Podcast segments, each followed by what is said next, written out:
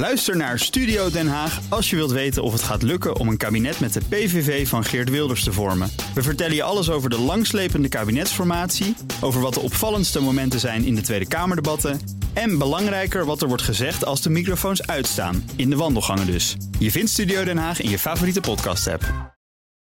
BNR Beurs wordt mede mogelijk gemaakt door Bridge Fund. Make money smile. BNR Nieuwsradio. BNR Beurs. Wesley Weerts. Ja, het is bijna weekend en dat betekent dat je morgen de speciale vrijdag-editie krijgt van BNR Beurs, waarin we dus ook vragen van de luisteraars beantwoorden. Stuur die vragen nog naar bnrbeurs.bnr.nl. Je hebt nog 24 uur. Vandaag is het donderdag 8 juni, de dag waarop de AX met een heel klein minnetje is gesloten. Iets boven de 760 punten. De grootste daler is DSM. Daar gaat ruim 3% vanaf. En het is ook de dag waarop Nico Inberg van de aandeelhouder mijn gast is. Nou, zometeen gaan we het hebben over Amazon, want dat is volledig de weg kwijt. Tenminste, als we de analisten van Bernstein mogen geloven. Die openen de aanval op de CEO. Maar is dat terecht? Dat dus zo. Maar Nico, wat viel jou verder op vandaag? Je had het net even over DSM. Dat, dat lag vandaag slecht met 3%. Maar als je een uh, je divisietje laag kijkt, dan zit uh, bijvoorbeeld Just Eat Takeaway lag ook slecht. Ligt al een tijdje slecht, hè? Ja, zeg En dan zul je altijd zien dat als het dan uh, echt slecht ligt, zo'n beurskoers. Er komt een analistenrapport met een negatief koersdoel. Vandaag Brian Garnier is de naam van het analistenhuis. En die zet er een koersdoel op van, van 12 euro. Kwam van de 34 euro eerst. Dachten ze Ja. eerst, maar nu zeggen ze 12 euro. En ze zien nu alles, bekijken alles echt door een inkt. Zwarte bril. En waarom? En, en ja, ze denken eigenlijk dat, dat het, omdat ze maar niks horen van Jitse Groen. over bijvoorbeeld de verkoop van Grubhub in Amerika. Een Amerikaanse uh, tak die ze voor 7 miljard destijds hebben overgenomen in de Hosanna-tijd. Het zou nu nog 2 miljard waard zijn, maar zij denken dat het helemaal niet meer te verkopen is. En daar ze gaan en ze gaan allemaal uit van inktzwarte scenario's. En ja, dat kan natuurlijk, hè, maar uh, ja, wij, wij, zijn op de AVA geweest bij Justy Takeaway. En ik denk dat het allemaal nog een klein beetje meevalt. Jitse Groen is, tuurlijk moet hij wel een keer wat van zich laten horen. Um, ik weet ook niet of hij überhaupt wel wil uh, verkopen. is ook wel een ego-dingetje. Als jij voor 7 miljard iets overneemt.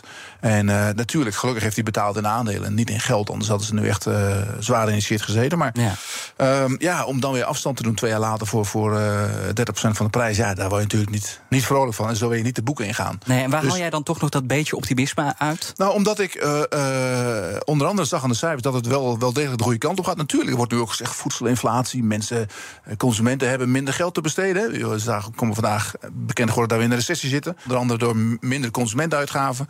Dus dan ga je minder duur eten.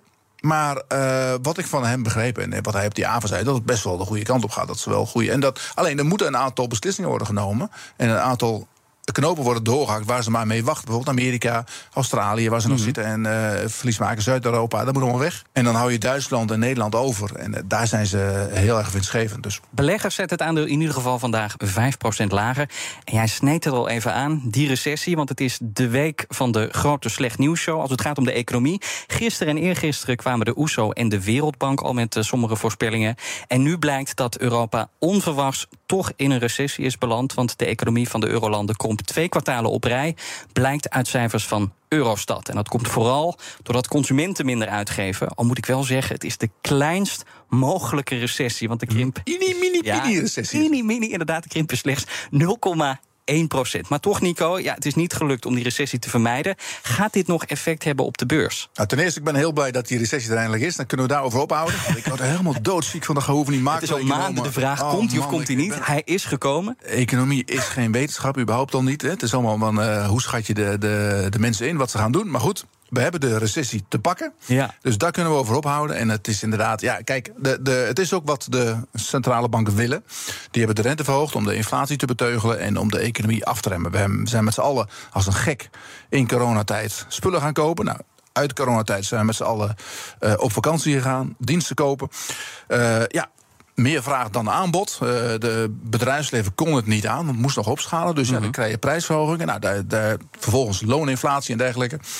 Begint nu allemaal een beetje op zijn plaats te vallen. Langzaam maar zeker valt alles weer, weer, weer terug in normale patronen. En, en uh, ik denk, ja, de vraag is hoe ver we terugzakken... voordat de centrale banken zeggen van we gaan de rente wat verlagen. Ik denk dat dat misschien niet zo lang hoeft te duren. Zeker nu, uh, het ziet toch wel een hoop hoop sectoren zie je bedrijven. Bijvoorbeeld, ja, vanochtend had je Corbion. Ja. Die kwam met een uh, persbericht dat ze die, die zouden een fabriek bouwen in Frankrijk. Gaat niet door. Uh, zien ze vanaf. En uh, dus iedereen houdt er wel rekening mee dat het, dat het ietsje minder wordt. Nou zag ik ook nog een ander leuk artikel in het FD. Gaat over luchtvaart. En dan weet ik dat veel beleggers die sector helemaal niks vinden. Maar het is toch wel interessant, want onze FD-collega's die zochten namelijk uit waarom prijsvechters sterker uit de coronapandemie kwamen dan maatschappijen als KLM en Lufthansa. Die laatste die kregen ook ja, forse staatssteun, terwijl budgetmaatschappijen als Ryanair op eigen kracht uit de crisis kwamen. En bovendien zie je nu dat Ryanair voorop loopt en vooruit loopt op de concurrentie, want dat vliegt al fors meer dan voor de pandemie, waar het herstel bij andere luchtvaartmaatschappijen nog jaren kan uh, duren. Nou, dan het antwoord: waarom doen die prijsvechters uh, het beter? Ja, ja. Het is eigenlijk oh, je hebt het ook uitgezocht. Nou, ja, ja, oh, nee, zeg jij het maar. Nou ja, zij zeggen onder meer dat dat komt omdat ze er voor de pandemie al financieel beter voor stonden. En exact. wat ook zo is, is dat die prijsvechters vooral in Europa vliegen, in het geval van Ryanair. En ja, ja wat doen wij vooral? We stappen in het vliegtuig om op vakantie te gaan. Ja. En dat doen we weer massaal. Ik, ik heb het artikel niet gelezen, maar ik, ik, kijk, het, het is, hier zie je eigenlijk precies wat er gebeurt. Je hebt eerst de periode voor corona. Toen gebeurde er iets raars. Hè. Corona was echt disruptive. En daarna, na corona, wordt alles weer normaal. En je zag inderdaad voor corona dat Air France KLM, maar ook Lufthansa, die hadden moeite om bij te benen met, met, met, met Ryanair en EasyJet van deze wereld. Die hebben gewoon, die piloten verdienen minder, die hebben gewoon veel lagere kosten. Um, en nu komt dat weer terug. Dus uh, ja, die, die, die voorsprong die ze toen hadden, of toen waren ze aan het inhalen eigenlijk, dat zie je nu weer. En uh, die, die bedrijven hebben niet eens staatssteun gehad, dus die hebben zichzelf heel goed gered. Mm -hmm. En uh, ja, nu, komt dat, nu komt dat weer naar voren. Zometeen een aandeel waar we het al een tijdje niet meer over hadden. Ik heb het over GameStop. Het bedrijf maakt opnieuw een flinke smak. Er gaat in één klap zo'n 20% aan beurswaarde verloren. Nou, hoe dat komt en of dit echt een genadeklap is, dat hoor je zo. Want we gaan eerst naar Amazon. Dat bedrijf is de weg kwijt, vinden analisten van Bernstein. Ze halen in een brief keihard uit naar de CEO en andere bestuurders. En de voornaamste kritiek is dat het bedrijf te veel doet. Amazon is namelijk al lang niet meer alleen die webwinkel waar we het van kennen. Het zit ook in de zorg, de ruimtevaart en het concurreert met fysieke supermarkten. En daar moet het mee stoppen, vertelt een van de analisten van Bernstein tegen CNBC. They're operating in markets like Brazil, where they're certainly not the market leader and they're losing share. Um, you know, they're investing a significant amount of capital in things like healthcare and uh, you know Project Kuiper, uh, which just don't seem to be those areas that only Amazon can do. I think there's better places to put that capital to work. Nou, de kortste samenvatting van het hele verhaal is: Amazon moet terug naar de basis. Wat vind je van die kritiek, Nico? Hebben ze gelijk? Ja, ergens wel. Hè. Je, ziet vaak dat als een aandeel wat achterblijft bij zijn peers, dat men toch gaat zoeken van hé, hey, wat doen ze eigenlijk verkeerd? Nou, we, hebben natuurlijk uh, ja, een nieuwe CEO. Amazon is een veelvraat, heeft altijd zijn winsten gebruikt om uh, uh, ja, nieuwe markten aan te boren. Nu was er van de week weer het nieuws dat ze ook in de telecom willen, wat op zich vrij logisch is, want met Prime kun je alles aanbieden.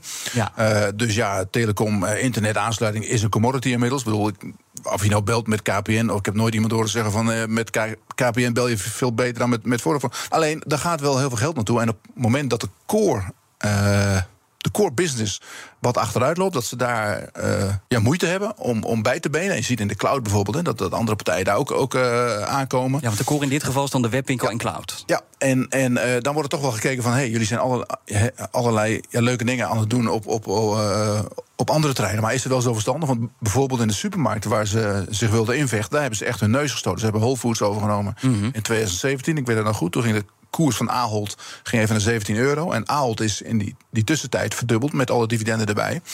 Uh, dus het, het, is hun niet gelukt om die, die markt open te breken... om daar echt voet aan de grond te krijgen. Maar hoe is dat dan vervolgens nadelig voor de core business, voor de cloud? Nou, dat hoeft niet per se, maar het, het, het, gaat ook om de managementaandacht. En uh, kijk, en, en, ik vind... een primaire taak van de uh, CEO is om te bepalen waar je het geld wat je hebt gekregen van je aandeelhouders, om dat ergens te investeren waar je het meeste, meeste rendement krijgt. Nou, Ja. voor veel bedrijven is dat wel duidelijk, want die doen, eh, doen één soort business. Maar Amazon zit overal in. En die hebben, ze hebben ook heel veel geld. eh, eh, er komt heel veel geld binnen. Alleen de, de laatste jaren maken ze gewoon steeds minder winst. En zie je dat ze bijvoorbeeld eh, internationaal gezien, daar, daar moet nog steeds geld bij. Dus ze zijn maar aan het opbouwen, aan het opbouwen, aan het opbouwen. Maar beleggers willen ook eens een keer zien dat er winst wordt gemaakt. En helemaal in deze tijden van hoge rente, hè, je ziet veel internetaandelen hebben er last van. Uh, ja, moet toch een beetje ergens de focus op komen. Maar toch, ik keek vandaag naar de beurskoers en ik keek hoe dat ze ten opzichte van begin van het jaar hebben gedaan, ruim 40% hoger. Ja. Dan denk ik, ja, dat is niet slecht. Dus hoe breed wordt die kritiek van Bernstein dan die- eigenlijk gedeeld? Die beursstijging van dit jaar is gewoon een renteverhaal. Al die jaren, de hele big tech. En daar zijn ze nog zelfs achtergebleven bij een Facebook en, en, eh, en Apple. En weet Dus ik dat is niet wat. toe te schrijven de koers Dus van dat is, dat is ja, zeker niet toe te schrijven. En als je ietsje langer kijkt, van mij op, een, op jaarbasis blijven ze behoorlijk achter bij de, de, eh, de concurrenten. Ja. Eh, bij de beurs, dus daar kunnen ze niet zo gek van doen. En dan gaat het over Apple, Microsoft, Alphabet. Ja, dat soort bedrijven. En er wordt, wordt nu zelfs, ik las in dat artikel ook, dat, dat die, eh, iemand had aan die analist gevraagd van, ja, doet Amazon eigenlijk iets in AI? Mhm. In eh, AI. En eh, hij zei van ja, alleen al het feit dat iemand die vraag stelt. Hè, want hij zegt: eh, Amazon is, is niet meer eigenaar van zijn eigen verhaal. Dus iedereen, de, de beleggers die weten eigenlijk niet meer goed wat Amazon nou allemaal doet. En hij vergeleek het ook een beetje met Google. Hij zegt: Google heeft een. een die, hebben, die verdienen natuurlijk geld met YouTube en advertenties. Ja. Die hebben ook een divisie Other Bets. Hè, En de naam, die zegt het al. Daar zitten allemaal wetenschappen, allemaal eh, eh, ja, leuke dingetjes in... die ze Mhm. eh, aan het onderzoeken zijn, zoals die zelfrijdende auto. Nou, hoor je ook niks meer van. Nee, gaat wel eens en dat fout. moet Amazon eigenlijk ook doen. Van dat, dat, daar hoeft niks verdiend te worden. Dat is een soort ontwikkelclub, R&D, whatever, hoe je het ook noemt. Maar ze moeten zich richten op de core business, retail en, en, en de cloud. En Laten we het dan heel concreet maken, want er worden dus nu miljarden gestrooid. maar kennelijk zonder resultaat. Met welk project moeten ze, wat jou betreft, per direct stoppen daar bij Maar dat Amazon? Kuiperen weet ik niet precies wat, wat dat nou inhoudt. Maar dat is, dat is volgens mij ruimtevaart. Mhm. Ja, dat, kijk, die Bezos, dat was een hobby. Want hij heeft toch zelf ook is hij in zo'n raketje naar boven gegaan. Ja. Met, eh, met iemand uit Nederland nog zelfs. Met een, student hier vandaan, volgens mij. Die zat erbij en zijn pa. Eh, ja, dat zijn hele leuke dingen voor een CEO om te doen. Maar eh, ja, heel, heel veel CEO's die hebben bepaalde hobby's. Maar dat heeft niks met het bedrijf te maken. Het is gewoon Nee. dat die man heel veel geld heeft. En dan gebruikt hij geld voor van het bedrijf. Dus ik weet niet of dat precies aansluit bij wat ze doen. Er wordt ook in dat rapport gezegd van ze zouden meer eh, fysieke winkels moeten openen. om meer contact te krijgen met een echte klant. Eh, ja, en dat is natuurlijk de core business. En niet om iets in ruimtevaart te gaan doen of in healthcare of wat dan ook. Ja, dus op die manier zouden ze dan ook de focus weer terug kunnen krijgen. Dus die projecten afstaan, Ja, meer fysieke winkels dat is niet zo, niet, moeilijk. Nee, Het is niet zo makkelijk voor zo'n bedrijf. Want ze hebben natuurlijk iets, iets bedacht. En het zijn ook vaak ego-dingetjes. Als een eh, CEO zegt van nou, ik wil graag daarin. Ja, dan moet hij erkennen dat het niet gelukt is. En eh, dat doen ze liever niet. Nee, nou hadden ze het over de day one mentaliteit, die analisten. Ja. Eh, en dat betekent sowieso blijven innoveren als een start-up. Maar dan denk ik, dat is toch precies wat ze doen. Want ze ja, innoveren constant, weliswaar niet op één gebied... maar op allerlei kleine gebiedjes. Dus wat, wat bedoelen ze daar dan precies mee? Het is ook een bullshit verhaal. Met, eh, Bezos heeft dat ooit gezegd. day one verhaal, ja, ja, day one, je moet je gedragen als een, als een start-up. Nou, Ja. als je ziet hoe hij die werknemers betaalt in dat distributiecentrum van, die, van Amazon, die hebben geen day one mentaliteit. Die hebben niet eens tijd om naar de wc te gaan. Eh, die nemen een fles mee de, ja, tussen de magazijnen. Maar eh, ja, hij bedoelt ermee dat we moeten ons gedragen als een start-up. Nou, dat ja, doen ze toch? Dat is echt van die management talk, daar doe ik helemaal niks Ik geloof er niet in. Nee. BNR Beurs. Wall Street dan. De beurzen staan hoger. De Dow Jones 0,4% hoger. De S&P 500 krijgt er een half procent bij. De Nasdaq 0,9%. Nou, wat beleggers vooral bezighoudt is de rente. Want nu de Canadese centrale bank tegen de verwachtingen in de rente heeft verhoogd... vrezen beleggers dat ook de Fed nog niet klaar is. Volgende week vergadert de Amerikaanse centrale bank. Ja, wat denk jij, Nico? Gaat die rente omhoog? Ik denk dat ze wel een beetje klaar zijn. Het is echt, je, je ziet steeds meer tekenen van bedrijven en ook van cijfers. Als je kijkt naar de ISM-cijfers en de inkoopmanagers eh indices, ja, die zijn toch echt eh, vooral in de, bij de industrie. De manufacturing die staat dik, dik onder de 50. En dat betekent echt dat, er, dat er ook Amerika richting recessie gaat. Dat is wat ze willen. Ze willen dat het afkoelt. Je ziet aan de arbeidsmarkt dat het eh, qua. Want het wordt het, dit is ook een hele rare recessie. Hè, want de arbeidsmarkt is nog ste- steeds hartstikke overspannen. Ja. Maar eh, je ziet wel degelijk dat het afkoelt. En ik ben heel benieuwd hoe het later. eh, later dit jaar, oktober, november, december, hoe het dan gaat. Want er wordt wel eh, eh, echt behoorlijk op de rem getrapt in bepaalde sectoren. Maar die pauzeknop die wordt ingedrukt. Ja. BNR Beurs. Dan naar een bedrijf dat al honderd keer doodverklaard is. Ik heb het over GameStop. Het bedrijf stond een paar jaar geleden nog op het randje van de afgrond. Shortsellers die speculeerden zelfs op een faillissement. Maar een leger Reddit-beleggers die redden de gamewinkel door massaal aandelen te kopen. En daardoor schoot de beurskoers omhoog. En vandaag is GameStop weer nieuws, want het aandeel verliest zo'n 20% En de reden is dat CEO Matt Furlong is ontslagen. en hij moet per direct weg. Maar waarom, Nico? Waarom, Nico? Ja, omdat het niet goed gaat. Kijk, hij werd aangenomen. Eh, ik, Ja, laat, laat, eh, laat ik eerst dit zeggen. Hij is eh, destijds aangenomen op een contract voor 24 maanden. Ja. En die zijn nu voorbij. Dus het is, zijn contract is ook afgelopen. Dus hij, hij moet ook weg, maar het wordt niet verlengd. Hij is destijds aangenomen. Ik weet niet of mensen zich, zich dat nog kunnen herinneren. Maar er waren de hoogtijdagen van de NFT's. En eh, om Dat bijna vergeten zijn. daar hebben zij ook een platform voor opgericht. En dat, dat zou het, ja, het, ja, het helemaal worden. Ze hadden op de eerste dag, toen, ze dat, toen dat af was, hadden ze een omzet van 94 miljoen dollar. Hè? En eh, dat is nu, eh van mij was het afgelopen week of de week ervoor, was de omzet op één dag 4000 dollar. Ja. Dus het is met, met, met eh, bijna 100% gedaald. 99,8% is het gedaald. Dus dat is helemaal over. Daar verdienen ze niks van. Het kost alleen maar geld. En het is natuurlijk een, een fantastisch aandeel geweest. Enorme hype. Het sloeg helemaal nergens op. Het is symbool voor de gekte in coronatijd geweest. Hè. Het aandeel ging van 5 dollar naar eh, 500. Eh, ik sprak mensen die hadden dan één aandeel gekocht op 400. En dat was echt een, een, een, een uiting van de mentaliteit van eh, je koopt iets omdat je, het, je denkt dat je het voor een hogere prijs kan verkopen aan de volgende gek. Dat Ja. zolang tot ophoudt. En nu houdt het op. Eh, Hij heeft zijn taak gewoon niet go- goed volbracht. Hij kan er niks aan doen. Het is, het, is, het is gewoon niet. Te, kijk, eh, in de basis is GameStop is, een- is een, een bedrijf wat een videoketen of een, een, eh, eh, ik zeggen, een winkelketen die games verkoopt. Terwijl iedereen eh, eh, doet zijn games online. Je gaat niet meer naar een winkel om een game te kopen. Dat, dat is voorbij. ziet niks in dat was, businessmodel. was, eh, 15 jaar geleden. Dus de business is, is over. Ze moeten online hebben ze wel iets doen. Ze hebben een soort een abonnement op een blad hadden ze dan. Nou, dat liep dan nog goed.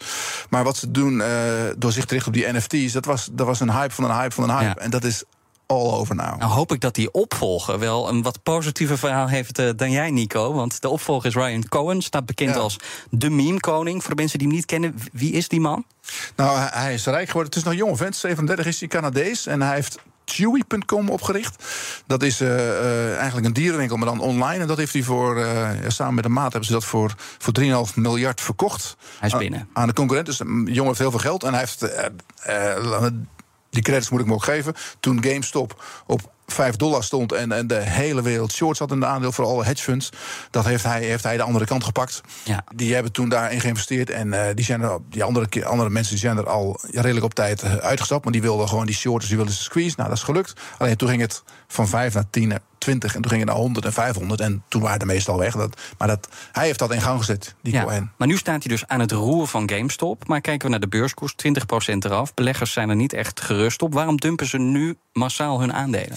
Nou, ik denk dat ze wel zien dat het, dat het eh, eigenlijk over is. Maar dat konden ze vorige week ook al zien. Ja, maar je hoopt altijd nog met de kwartaalcijfers. Hè? Want kijk, de, de, bijvoorbeeld eh, als je kijkt naar de, eh, de prijzen van de opties, optieprijzen in dat aandeel, die zijn waanzinnig hoog. Dus er de, de kunnen altijd heel rare uitslagen volgen.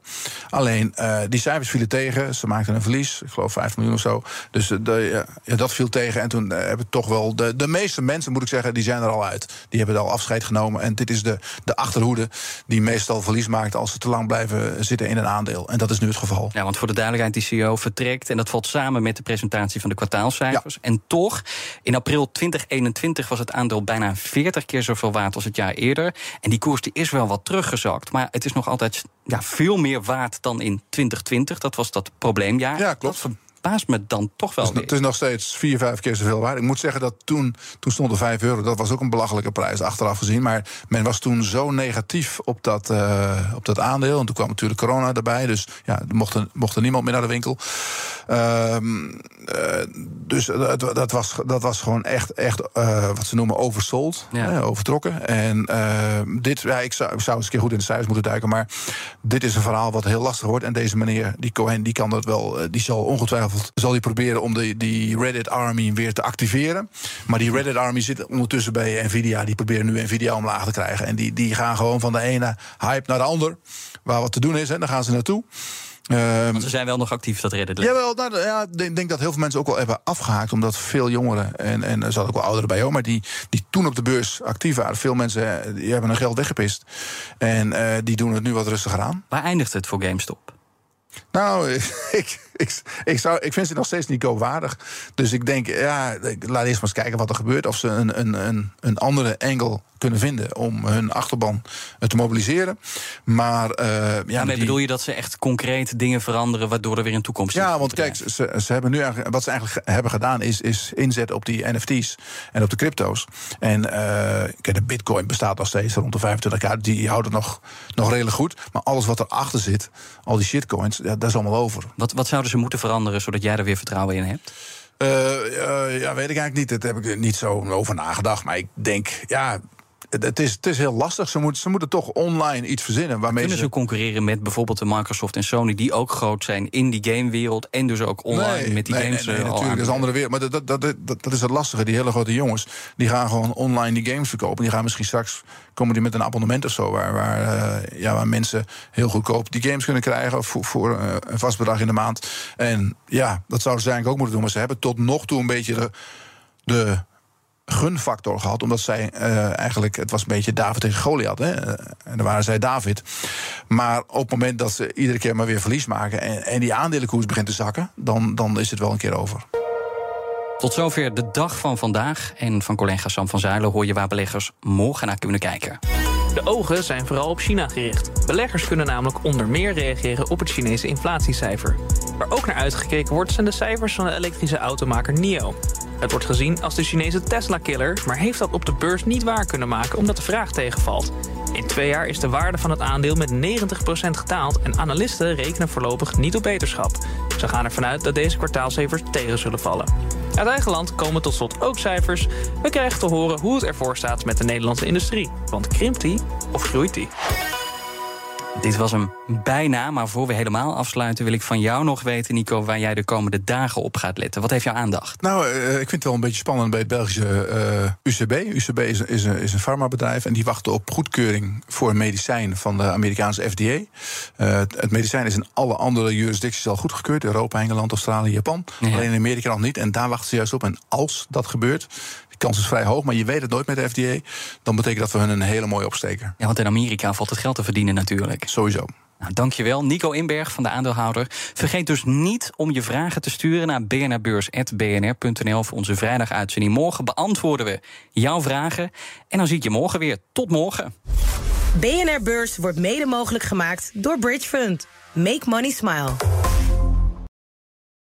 Ook Diana Matroos vind je in de BNR-app. Ja, inderdaad. Je kunt live naar mij luisteren tijdens de Big Five. Ook handig in de BNR-app. Breaking nieuwsmeldingen, maar ook het allerlaatste zakelijke nieuws. En je vindt in de app alle BNR-podcasts, waaronder Wetenschap Vandaag. Download nu de gratis BNR-app en blijf scherp.